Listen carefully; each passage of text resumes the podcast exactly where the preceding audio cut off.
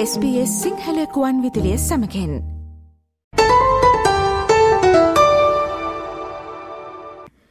SBS Sinhala ගුවන් විදුලිය අද දවසේ ඔබ වෙත ගෙනන කාලීන තොරතුරු විශේෂන්ගෙන් මෙඩිකයා ශක්තිමත් කිරීම සහ නවීකරණය කිරීම වෙනුවෙන් සිදුකිරීමට නියමිත ප්‍රධාන ප්‍රතිසංස්කරණයන් පිළිබඳව නවතම තොරතුරු අප ඔබ වෙත ගෙනෙනු ලබනවා.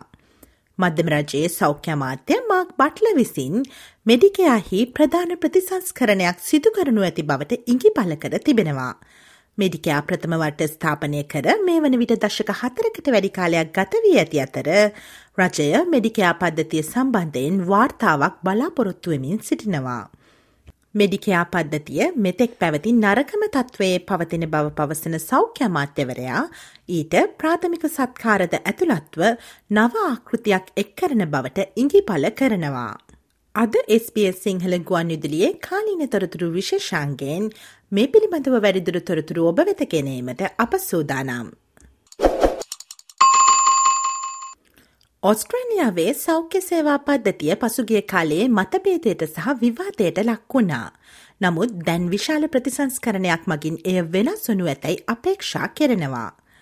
මෙඩිකයා එහි වසර හතලිහක ඉතිහාසයේ විශාලතම ප්‍රතිසංස්කරණයට මුහුණ දී සිටින බැවින් ප්‍රාථමික සත්කාර සැපයීම සඳහා හෙදියන් පැරාමෙඩික් සහ සමසෞඛ්‍ය වෘත්තිකයන්ද ඊට ඇතුළත්වීමට ඉඩ තිබෙනවා. විශ්වීය සෞඛ්‍ය සේවාව සුරැකීමේ ප්‍රයත්නයක් ලෙස පුළුල් පරාසයක වෛද්‍යවෘත්තිකයන් සඳහා මෙඩිකයා විවෘත කිරීමට ලේබ පක්ෂය සූදානම් වනවා. අගමැති ඇන්තනි ඇල්බනිසි පවසන්නේ මෙඩිකයා පද්ධතිය ඉල්ලුමට සරිලන ලෙස සේවා සැපීමේ අරගලයක සිටින බවයි. පවුලේ වෛද්‍යවරුන් සහ ප්‍රාථමික සෞඛ්‍ය ප්‍රතිකාර වෙත ප්‍රවේශවීමට නොහැකි නිසා බොහෝ දෙනෙක් රෝහල්වල හදිසි ප්‍රතිකාරංශ වෙත පැමිණිමින් සිටින බවත් එහිදී අගමැතිවරයා වැඩිතුරටත් කියා සිටියා. What this is about is recognising uh, that uh, the Medicare system that we inherited uh, was struggling to keep up. Too many people are turning up at emergency departments because they can't get access to a GP and to primary health care. මාස කිහිපයක් තිස්සේ ඔස්ට්‍රලයානු මධ්‍යම රජය මෙඩිකයා පද්ධතිය ශක්තිමත් කිරීමේ ක්‍රම පිළිබඳව සොයා බැලීමට වෛද්‍ය සංගම් සහ රෝගීන් වෙනුවෙන් පෙනී සිටින විවිධ කණ්ඩායම් සමඟ කටයුතු කරමින් සිටිනවා. මෙඩිකයා ශක්තිමත් කිරීමේ කාරසාධක බලකායේ වාර්තාව තව සති කිහිපයකින් ප්‍රකාශයට පත් කෙරෙනු ඇති. මධ්‍යම රජයේ සෞඛ්‍ය අමාත්‍ය මාක් බට්ල විසින් මෙඩිකයා විශාල ප්‍රතිසංස්කරණයක් ගැන ඉඟි පල කරනවා. මෙම ප්‍රතිසංස්කරණය පසුගේ වසර හතලිහ පුරාම නොමිලේ සපේන සේවා සහ ගාස්තු මත පමණක් පදනම් වූ මෙඩිකයා ආකෘතියේ සිට තවත් වැඩි අර මුදල් සපයන ආකෘතියකට මාරුවීමක් නොවන බවත් ඔවුන් විසින් අත්හදා බැලීම් සිදු කරන ලද අලුත්ම අදහසක් වන බවත් ඇමතිවරයා වැඩිතුරටත් පැවසුවා. The idea of moving from a purely fee for service model that has largely defined Medicare over the last 40 years to something that's more blended, uh, that has more wraparound funding, particularly for older patients and patients with complex chronic disease, is not a new idea. This has been discussed for many years. We had pilots on it when we were last in government, particularly in the area of diabetes.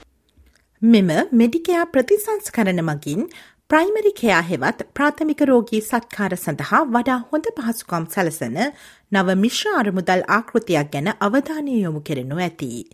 එමකින් හිදියන් ඖෂධවේදීන් සහ පැරාමෙඩික්ස් වැනි සෞඛ්‍යවෘත්තිකයන් මෙඩිකයා පද්ධතියට ඇතුළත් වනු ඇති අතර එය රෝහල් හදිසි ප්‍රතිකාරංශවල පීඩනය ලිහිල් කිරීමටද උපකාරී වනු ඇති බව අගමැති ඇල්බනීසි කියා සිටියා.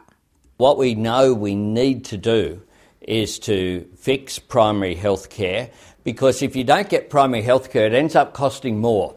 Uh, someone going to a GP or someone getting that immediate assistance, if they, if they don't get it, what they end up getting is being in hospital, turning up at the emergency department, and that costs much, much more. Royal Australian College of General Practitioners සංගමයේ Bruce Willett පවසන්නේ හෙදියන් සහ ඖෂධවේදීන්ට වෛද්‍යවරුන් සමඟ එකට එකම වෛද්‍ය මධ්‍යස්ථානවල වැඩකිරීම වඩාත් සුදුසුවන බවයි.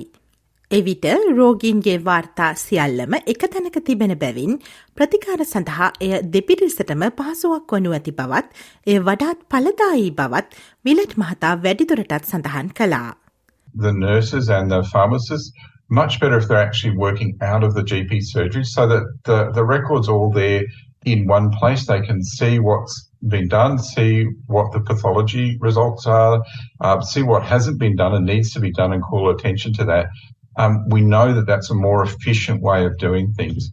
Bulk billing හෙවත් තොගබිල් පත් ඇති වෛද්‍ය මධ්‍යස්ථාන පමණක් සෙවීම මේ වන විට මෙඩිකයා සම්බන්ධව සමාජයේ වර්තනය වන තවත් දෙයක්. මෙම වැඩි වූ ඉල්ලුම හමුවේ බොහෝ දෙනෙකුට බල්ක් පිලින් සිදු කරන වෛද්‍ය මධ්‍යස්ථාන සොයා ගැනීමට වටාත් අපහසු වී ඇති අතර ඔස්ට්‍රලයානුවන් වැඩි පිරිසකට වෛද්‍යවරයෙකු හමුවීමට සිය පසුම්බියෙන් අමතර මුදල් ගෙවීමට සිදුවේ.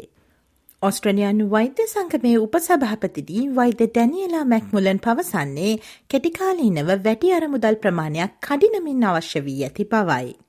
මේ වන විට විවිධාකාර විසඳුම් ඉදිරිපත් කර ඇතත් විශේෂයෙන්ම මේ මොහොතේ සාමාන්‍ය වෛද්‍යවරයෙකු හමුවීමට නොහැකිව සිටින අඩුවදායම් ලාබී රෝගීන් සඳහා කෙටිකාලීන අරමුදල් ලබාදීමට සැලකයුතු ආයෝජනයක් සිදු කිරීම අවශ්‍ය වන බවත් එමගින් වඩාත් අවශ්‍යතා ඇති රෝගීන් වෙනුවෙන් පමණක්වත් බල් පිලින් ක්‍රමය පවත්වාගෙන යාමට යම් බලාපොරොත්තුවක් එක්වන බවත් වෛද්‍ය මැක්මුලන් වැඩිදුරටත් පවසනවා.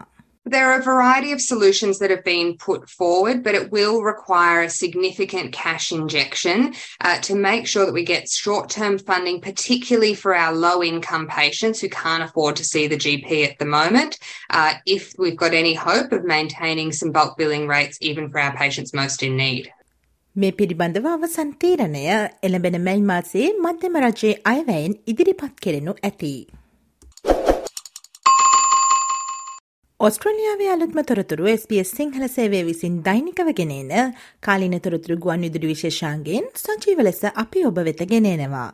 පසු සවන් දෙන්න sbs.com.au/ සිංහල යන අපගේ වෙබ්බට විය ඉහළ තීරුවේ ඇති මාතෘකායන කොටස කලික් කොට කාලීන ලෙස නම් කොට ඇති වෙබ් පිටුවට පිවිසන්න. SBS SBS SBS SBS SBS SBS Radio